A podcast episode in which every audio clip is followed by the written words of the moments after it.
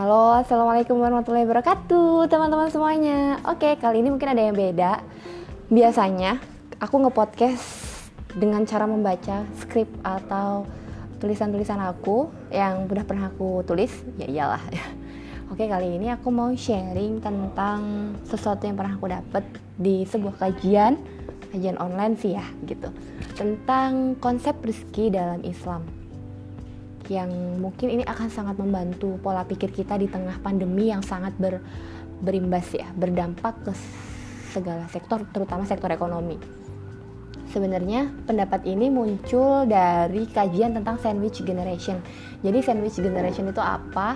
Singkatnya, sandwich generation adalah generasi yang mereka itu menanggung tiga lapis kebutuhan atau kebutuhan dalam hidup kebutuhan orang sebelum mereka, generasi generasi sebelum mereka yaitu orang tua mereka, kemudian kebutuhan mereka sendiri, kemudian kebutuhan generasi setelah mereka atau anak-anak mereka. Jadi bisa dibilang generasi sandwich itu mungkin sekarang masuk usia 30 tahun ke atas karena mereka punya orang tua yang harus ditanggung hidupnya dan punya anak. Oke. Okay kalau aku sepertinya sih belum karena aku belum punya generasi setelah aku. Gitu gak sih? Ya mungkin gitu ya. Ada pendapat mas Haikal? Di present dulu dong. Oh iya aku belum kenalin. Baru banget kedatangan tamu di sebelah aku. Dia mas Haikal. Hehe. Iya mbak. Hehe. Ya jadi uh, ini adalah tamu yang settingan. Karena so far uh, Binta belum pernah bikin podcast unscripted sedangkan uh, saya selalu bikin unscripted. Uh, tanpa skrip tanpa settingan tapi ngalor ngidul aja gitu biasanya emang gitu kan. Sekarang mumpung lagi bahas sandwich generation nih gue ikutan masuk karena lagi in banget nih di sosmed masalah ini. Kaitannya uh, jadi gimana ya? Uh, pro kontranya banyak nih. Uh, sandwich generation itu apakah orang itu menjadi berada di dalam sandwich tersebut karena terpaksa atau karena sukarela? Nah karena kalau menurut gue uh, orang lain itu nggak berhak uh, memaksakan kehendaknya atau pendapatnya tentang hal ini ke orang lainnya. Karena ini adalah hal yang sangat bersifat personal karena setiap orang itu menjalani timeline yang berbeda-beda, background yang berbeda-beda, lingkungan yang berbeda-beda, kultur yang berbeda-beda, beda input, beda output. Yang yang sama inputnya aja outputnya bisa beda, apalagi yang beda inputnya, gitu kira-kira.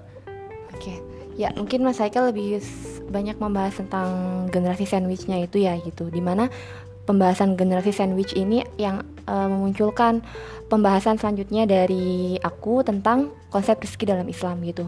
Mungkin pendapat-pendapat yang lagi in sekarang tuh kayak gimana sih Mas Haikal? Biar teman-teman tuh tahu gitu loh, apa sih yang dipermasalahkan dari generasi sandwich? Apa yang salah gitu. Sebenarnya kalau nyari apa yang salah, kita akan capek sendiri karena kalau kita terkungkung mencari yang benar mana, yang salah yang mana, uh, mungkin akan sulit. Yang lebih enak adalah kita memaparkan data yang udah ada nih yang di sosmed itu yang viral adalah orang uh, orang berpendapat tentang homeschooling yang lagi in homeschooling uh, karena kan sekarang masih pandemi jadi orang homeschooling di rumahnya itu ada lebih dari dua orang anak yang uh, sekolah dari rumah menggunakan gadgetnya masing-masing lalu padahal postingannya sesimpel itu tapi reaksi netizen tuh emang kadang-kadang suka di luar dugaan. Uh, ada yang ngomongin privilege. Wah, enak ya.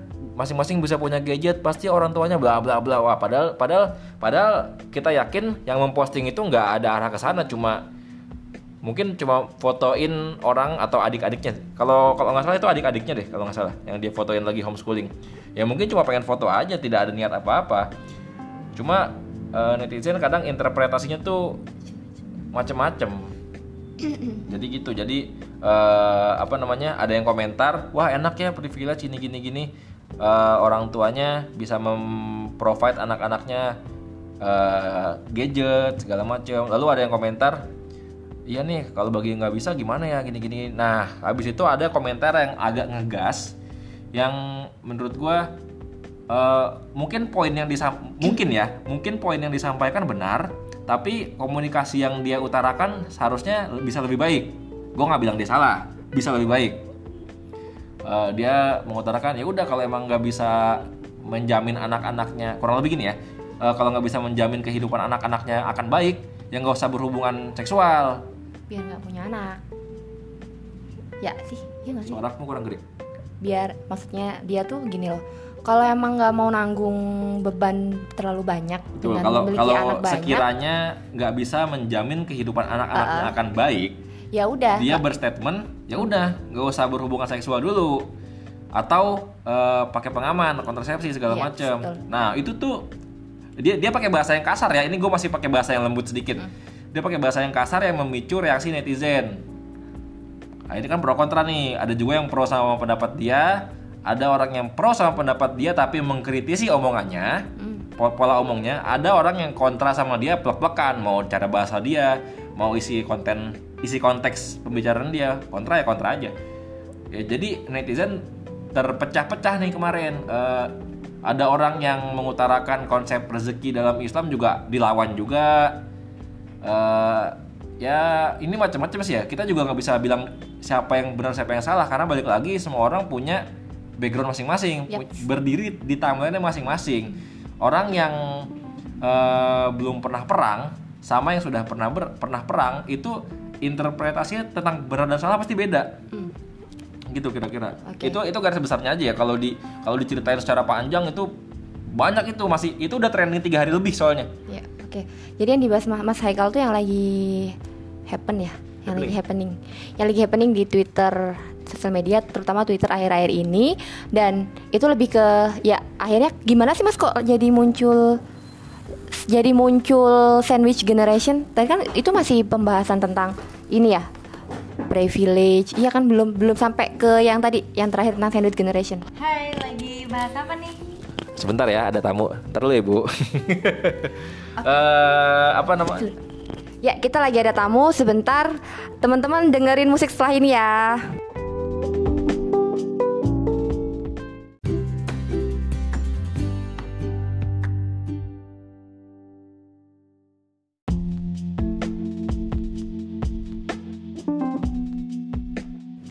Oke, balik lagi teman-teman sama kita. Masih dengan Binta dan Mas Haikal.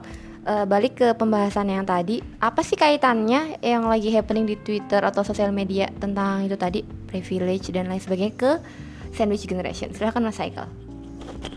jadi eh, dikaitkannya atau mungkin dikait-kaitkan ya ke sandwich generation adalah eh, karena sejujurnya di Indonesia ini sandwich generation pasti pasti banyak banget Yap, betul banget tuh. Ya, nah apa namanya? Eh, ada titik ketersinggungan di antara orang-orang yang masuk menjadi sandwich generation dengan sukarela dengan yang terpaksa.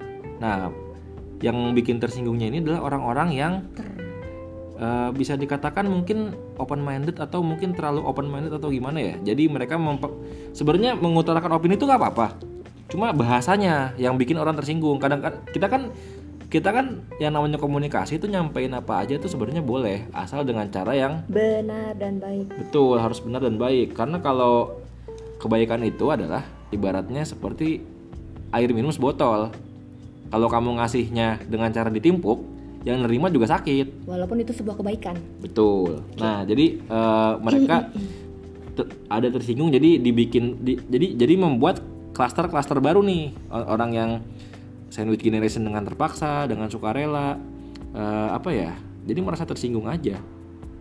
Karena yang dibahas adalah yang mereka bahas adalah ya udah kalau emang belum mampu punya anak nggak usah eh, nggak usah berhubungan apa sih nggak usah apa ya nggak usah nggak usah menghasilkan anak lah ya tidak usah punya anak kalau kalau nggak yakin bisa ngebahagiain nanti anaknya malah jadi sandwich generation malah malah menjadi malah menjadi titik tumpu ayah ibunya yang dulu nggak sukses Oke, see. itu titiknya nah sementara orang yang men- orang yang men- orang ada orang yang mendebat itu rata-rata orang yang mendebat itu berdasarkan pengalaman pribadi gue juga yakin orang yang mengutarakan pendapat di awal juga eh, based on private experience Hmm.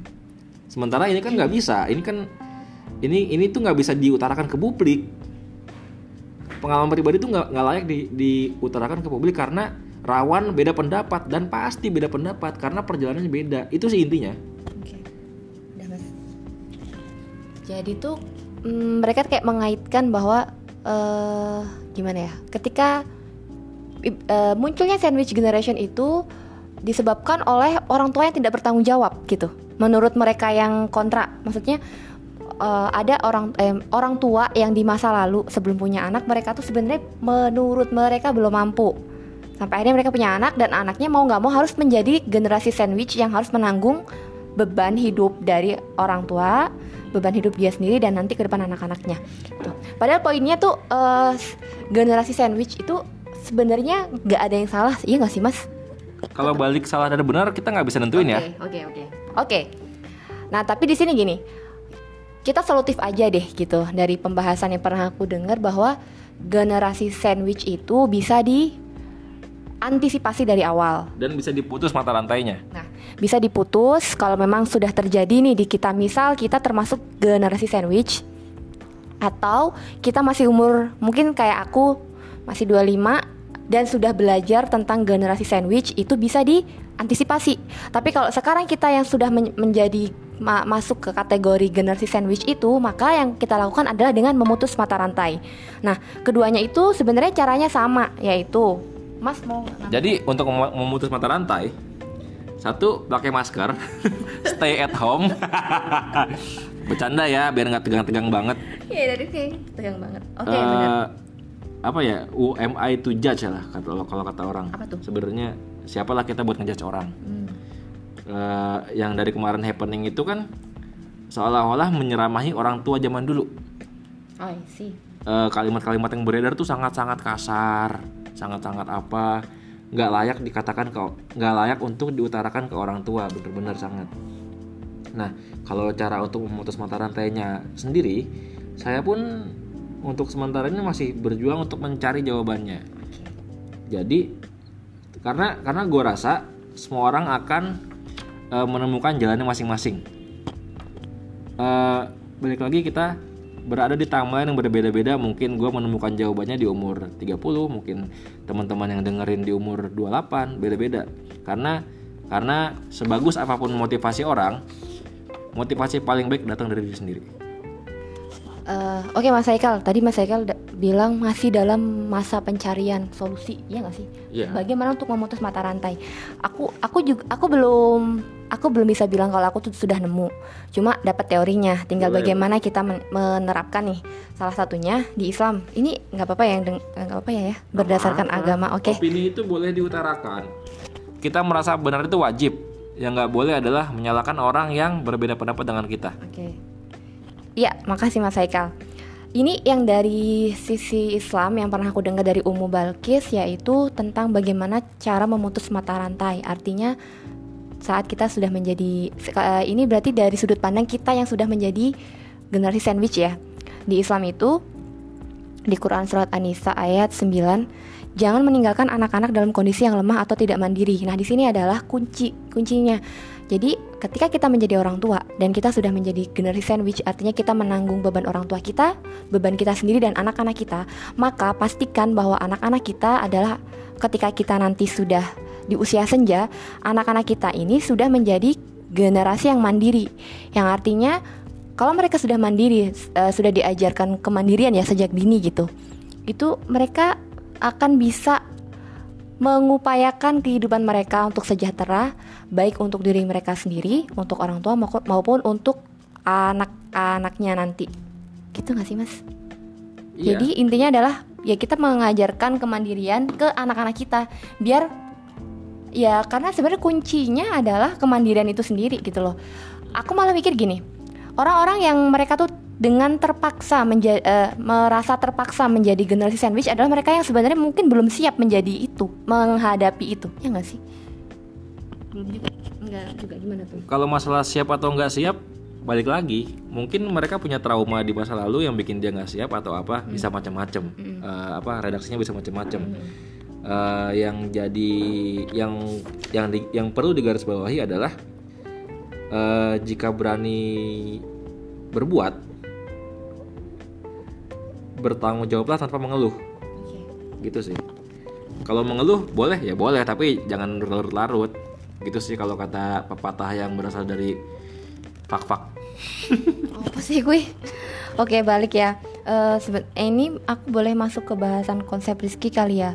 Hmm, karena oh iya gini. perlu perlu. Kita juga perlu melakukan edukasi tentang konsep rizki karena eh, ini adalah salah satu cara bukan satu-satunya ya salah satu salah satu cara yang mungkin bisa eh, merecovery ke keadaan yang sekarang happening jadi eh, barangkali ini menjadi solusi kamu yang eh, berada dalam kebingungan Oke. Oke, mungkin ada dua pembahasan eh, tentang satu untuk mereka yang sudah menjadi generasi sandwich gimana tuh untuk menerima keadaan itu dan me, men- solusinya ya apa sih Menemukan. menemukan solusi ketika kita ada di kondisi itu. Yang kedua untuk mereka yang eh, belum ada di posisi itu belum menjadi generasi sandwich tapi ada kemungkinan. Karena seti- setiap kita tuh pasti ada kemungkinan untuk menjadi generasi itu. Nah, pertama untuk yang sudah sudah nyemplung istilahnya udah ter, ter- termasuk ke kategori itu kan mau nggak mau kita harus menghadapi itu. Nggak nggak bisa kita lari dari masalah. Kalau kita menjadikan generasi sandwich itu sebagai sebuah masalah. Yang pertama kita yakini yakini yang pertama merawat orang tua itu adalah salah satu bentuk kepatuhan kita terhadap orang tua. Di mana kita tahu salah satu pahala yang paling besar adalah dengan patuh dengan orang tua dan dosa besar adalah ketika kita menjadi anak yang durhaka. Jadi eh, anggaplah ketika kita merawat orang tua itu adalah bentuk kepatuhan kita kepada mereka. Yang kedua, masuklah konsep rizki, di mana kita tahu ya tidak ada satupun yang bergerak di muka bumi ini kecuali akan Allah jamin rizkinya itu ada di Quran surat Hud ayat 4 jadi ketika kita yakin bahwa semua makhluk yang bernafas di, bu- di muka bumi ini tuh pasti itu ada rezekinya. Nah, bisa jadi nih rezeki orang tua kita itu jalannya dari kita atau kita menjadi wasilah rezeki dari orang tua kita gitu. Jadi ya jalani aja gitu. Eh kemudian aku, oh Mas mau Mas. Oke. silakan. itu dari Al-Quran ya dari Al-Quran Eh, bukan dari kita Oke, benar. itu jaminan dari Allah Eh, percaya atau tidak percaya itu eh, harusnya percaya sih tapi kalau tidak percaya jangan menyerang kita Oke, benar. karena itu dari Al-Quran dan kita percaya Oke. Nah ini yang kedua adalah konsep rizki yang aku selama ini cuma sekedar mungkin hafal kalimatnya tapi belum memahami gitu dan aku sekarang ngerasa pah sedikit paham dan pengen nge-share ke kalian bahwa ini nih yang tentang tidak akan mati seorang seseorang sampai jatah rizkinya itu habis di masa hidupnya itu. Jadi ada kisah ya orang itu tuh mati sudah meninggal di masa di masa tabiin apa ya? Eh, nanti coba tem- coba teman-teman koreksi. Di ada kisah seseorang itu sudah meninggal dunia, kemudian dia hidup lagi, hidup oh enggak gini. Seseorang itu kecemplung sumur ceritanya. Kecemplung sumur tuh kan. Terus bisa ditolong. Dia naiklah, udah udah ketolong nih. Nggak sampai meninggal. Terus karena lemes, karena lemes dari apa namanya? tenggelam eh kecemplung apa sih bahasanya? Dari kecem, ke- kecebur di kecebur ya kejebur di sumur itu dikasih minum dikasih air susu sama orang-orang sekitar dibantu nah setelah setelah minum susu tuh kodarullah dia tuh nyemplung sumur lagi dan di nyemplung sumur yang kedua ini dia nggak ketolong nah itu artinya apa berarti dia itu masih ada jatah rizki satu gelas susu itu tadi yang artinya dia tidak akan mati di kecemplung sumur yang pertama sampai dia menghabiskan jatah rizki walaupun hanya segelas susu Oke. oh begitu baru tahu aku itu tabiin. berarti input yang sangat baik jadi eh, selama rezeki kita masih ada mungkin eh, hidup kita masih akan terus berlanjut gitu ya Yap, betul. Terus juga mau balik ke apa surat Hud ayat 4 tadi, semua yang berjalan di muka bumi ini rezekinya dijamin ya oleh Allah. Pernah kepikiran nggak sih kucing liar yang suka kita lewatin itu, suka kita lihat di jalan, besok masih ada. Bahkan yang itu pun dijamin ya. Iya bener banget, bener banget. Bahkan anak-anak burung yang dia berdiam diri di sangkarnya aja tuh sudah Allah jamin rizkinya. Melalui siapa? Melalui ibunya si burung itu gitu loh. Jadi kalau orang tua kita, alhamdulillah sampai hari ini masih, berarti beliau, beliau itu masih punya jatah rizki yang kita tidak pernah tahu. Rizki itu melalui kita atau melalui orang lain. Yang kita perlu pahami adalah kalau itu melalui kita, artinya ada jatah pahala yang Allah kasih ke kita karena karena kita mengusahakan rezeki itu. Tapi itu juga jangan sampai menjadikan kita sombong seolah-olah orang tua itu tidak bisa hidup tanpa kita gitu. Yang perlu kita pahami adalah kalau orang tua kita masih ada kita harus sangat bersyukur dan menjaganya gitu. Jadi jangan mengeluh dengan keadaan ketika kita harus menanggung beban hidup orang tua kita. Yang kedua adalah definisi rezeki. Coba mas aku mau nanya mas Haikal mendefinisikan rezeki itu gimana sih rezeki adalah? Tergantung dari definisi siapa nih. Uh, karena kalau secara personal mungkin beda-beda ya. Sama seperti waktu zaman kita kuliah itu komunikasi. Hmm. menurut beberapa ahli artinya bisa beda. Hmm. cuma cuma mungkin tujuannya sama. Yeah. kalau menurutku sendiri rezeki adalah yang kita dapat setiap hari bisa berupa apa pun uh, material dan non material bahkan uh, persahabatan pun bisa menjadi rezeki. Benar ya benar banget tuh jadi bisa jadi nih teman yang baik, yang bikin kita bahagia, yang nasihatin kita dalam kebaikan itu juga rezeki dan sesuatu yang kita dapat. Nah, ada definisi definisi rezeki yang paling menohok buat aku yaitu rezeki adalah apa yang kita makan, apa yang kita manfaatkan. Ini kalau dalam bentuk materi ya, hmm. lebih lebih detail apa sih lebih ke arah materi. Rezeki adalah materi yang kita ada kita makan, kita manfaatkan dan kita sedekahkan. Jadi say gini, contohnya nih. Misal kita kerja gaji dalam bentuk materinya itu 5 juta. Dalam sebulan kita dapat 5 juta dalam bentuk uang 5 juta itu yang kita manfaatkan untuk bayar kosan 1 juta Untuk makan 2 juta dikasih ke orang tua kan namanya sedekah satu juta. Berarti udah 4 juta.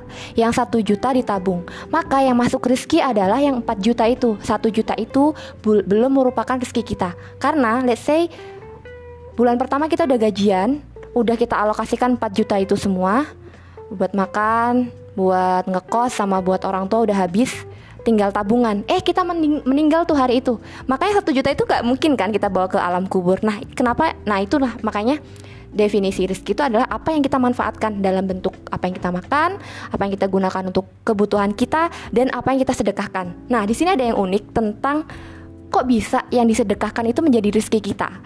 Karena karena yang kita sedekahkan itu adalah harta yang akan kita bawa mati sebenarnya. Makanya kenapa hadisnya ketika eh bukan hadis atau ayat ya yang bilang kalau kita sedekah Allah tuh pasti bakal ganti. Nah ini ada ilustrasi lagi yang aku baca dari bukunya Mas Khairul Fahmi sama Zahra tentang mengukir peradaban.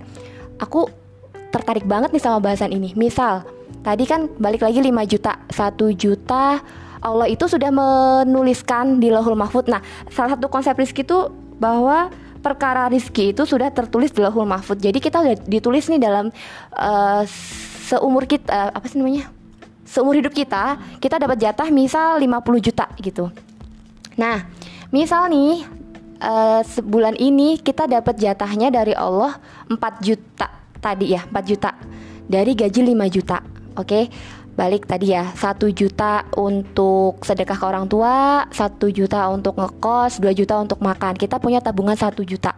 Nah kebetulan kita mikir ah kayaknya satu aku cuma eh, nggak uh, nggak nggak seru nih kalau cuma sedekah sama orang tua. Aku pengen di masa covid ini pengen sedekah lain deh.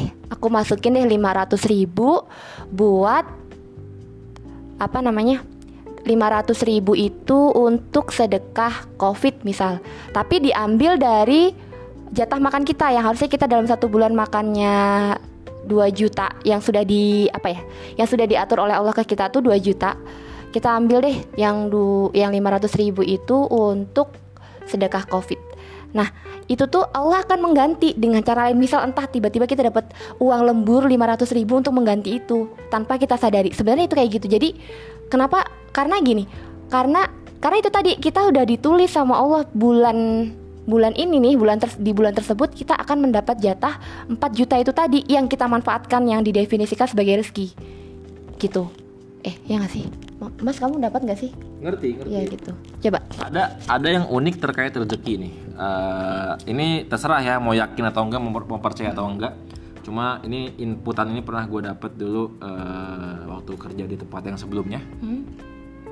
Uh, apa namanya rezeki itu unik konsepnya jadi gini let's say orang bekerja dengan beban yang seharusnya dibayar misalkan 500 ribu hmm. tapi gaji yang dia peroleh adalah 250 ribu. Nah, nanti eh, Allah akan setelah dibayar dua setengah, tapi beban kerja dia tuh seharusnya misalkan gopek tadi 500 ribu. Nanti yang dua setengahnya lagi tuh akan datang dalam bentuk bukan uang. Hmm, bisa bisa. Nah, kebalikannya, jika ada orang yang beban kerjanya seharusnya dibayar dua setengah, tapi gajinya overpaid 500 ribu, nanti dua setengahnya itu akan hilang sendiri. Dengan berbagai macam cara. Dengan berbagai entah dia macam cara, sakit, betul. Entah dia apalah, da- ada aja. Ini ini adalah eh, apa ya? Jalan yang nggak bisa kita duga-duga nih datang dari mananya nantinya. Kayak gitu. Itu itu keunikan sih ya. Ya. Nah, ini itu kan tadi contoh dari segi yang positif. Misalnya negatif, kita jatah tadi 4 juta nih jatah kita sebulan. Eh, 4 juta itu termasuk sedekah. Nah, kita nggak sedekahin tuh yang eh, ternyata kita dapat empat setengah juta. Kalau gini gini gini, gimana sih mas? Kita dapat sebulan itu jatah dari Allah harusnya 4 juta untuk kita manfaatkan, termasuk sedekah. Eh ternyata di bulan itu kita dapat dalam bentuk materi itu lebih empat setengah juta. Kan kita punya kesempatan yang 500 ribu itu untuk disedekahkan. Dengan begitu jatah rezeki kita akan bertambah menjadi empat setengah juta ya kan tapi ternyata pada saat itu yang 500 ribu itu karena kita mikir kayaknya kalau disedekahin itu eh ber apa ya ya biasalah ya manusia kadang sedekah itu kelihatan Mikir. mikir banyak gitu loh Ba- Ya kita nggak bisa ngejudge orang ya. ya, ya, ya. Tapi termasuk aku juga kok tapi ya pasti kita semua pernah eh, di titik eh, mau sedekah misalkan eh, niatnya banyak tapi aduh kayaknya segini juga nggak apa-apa deh. ya gitu akhirnya nih kita sedekahin eh kita jadi 500 ribu itu nggak jadi kita sedekahin malah justru kita eh apa ya istilahnya Dipakai untuk yang lain. bukan dipakai untuk yang lain disimpan aja deh Di keep. di keep tapi itu bukan buka, tapi itu sama Allah tuh ditulis bukan untuk bukan menjadi rezeki untuk kita sebenarnya karena tadi kan jatahnya 4 juta Iya. 500 gitu karena kan karena yang unik lagi adalah rezeki itu kan katanya bisa mengikuti rezeki bisa mengikuti beban hidup. Katakanlah Ya kan, satu orang eh, menanggung beban orang tuanya, menanggung Ah, beban adiknya kuliah atau apa, insya Allah yakin aja dulu kalau kalau kata Ustadz tuh gitu yakin aja dulu. Pasti rezekinya di cover. Hmm. gitu sih Ya, nah itu tadi kalau misalkan kita kelebihan 4 juta 500, jatah kita hanya 4 juta, yang 500 nggak kita sedekahin atau kita biarin, akan ada cara dari Allah, entah gimana pun caranya menghilangkan 500 ribu itu, entah dengan kecelakaan, belum dalik atau apa pun itu, Iya. pasti ada. walaupun apa namanya ya masalah yakin tadi perkara yakin tadi nggak gampang iya dong nggak gampang dong yakin tuh walaupun eh, diajarkan di dalam agama kita untuk yakin ngomong tuh gampang Bener banget. proses melakukannya tuh eh, sulit Ya. betul Bener banget tuh kata Mas Haikal. Ini juga kenapa tadi aku bilang aku baru memahami. Selama ini di dulu banget nih aku cuma hafal nih tentang hadisnya. Oh ya sekedar tahu. Sekarang baru memahami. Belum tentu aku bisa melaksanakan. Makanya sebenarnya aku share tuh sambil biar aku tuh inget. Iya bener ya. Ketika kita bersedekah itu beneran loh. Beneran bertambah rezeki kita. Karena itu simpanan kita di akhirat dan Allah pasti ganti. Gitu. Tapi kalau kita nggak sedekah ya, ya berarti itu memang kita dengan sengaja menjadikan itu untuk tidak menjadi rezeki kita. Mungkin seperti itu sih. Aku aku agak, agak ruwet ya jadinya. nggak apa-apa ya namanya juga unscripted kan Oke udah 20 menit lebih Ah, Masih ada satu bahasan lagi tentang eh, Mengantisipasi sandwich generation dari sisi yang belum menjadi generasi itu nah kalau mau tahu itu nanti akan kita bahas di podcast selanjutnya mungkin pekan depan Kalau nggak sibuk tergantung mood masing-masing Tergantung kesibukan Jadi terima kasih buat para pendengar yang telah mendengarkan. Dadah. Bye Eh, Oh iya karena tadi membawa-bawa ayat dan riwayat Wallahualam bishawab. Semoga kalau kita ada kesalahan Allah ampuni Kalau ada yang. Eh, gimana gitu lupa? Subhanakallahumma wa bihamdika asyhadu an la ilaha illa anta astaghfiruka wa atubu ilaik. Wassalamualaikum warahmatullahi wabarakatuh.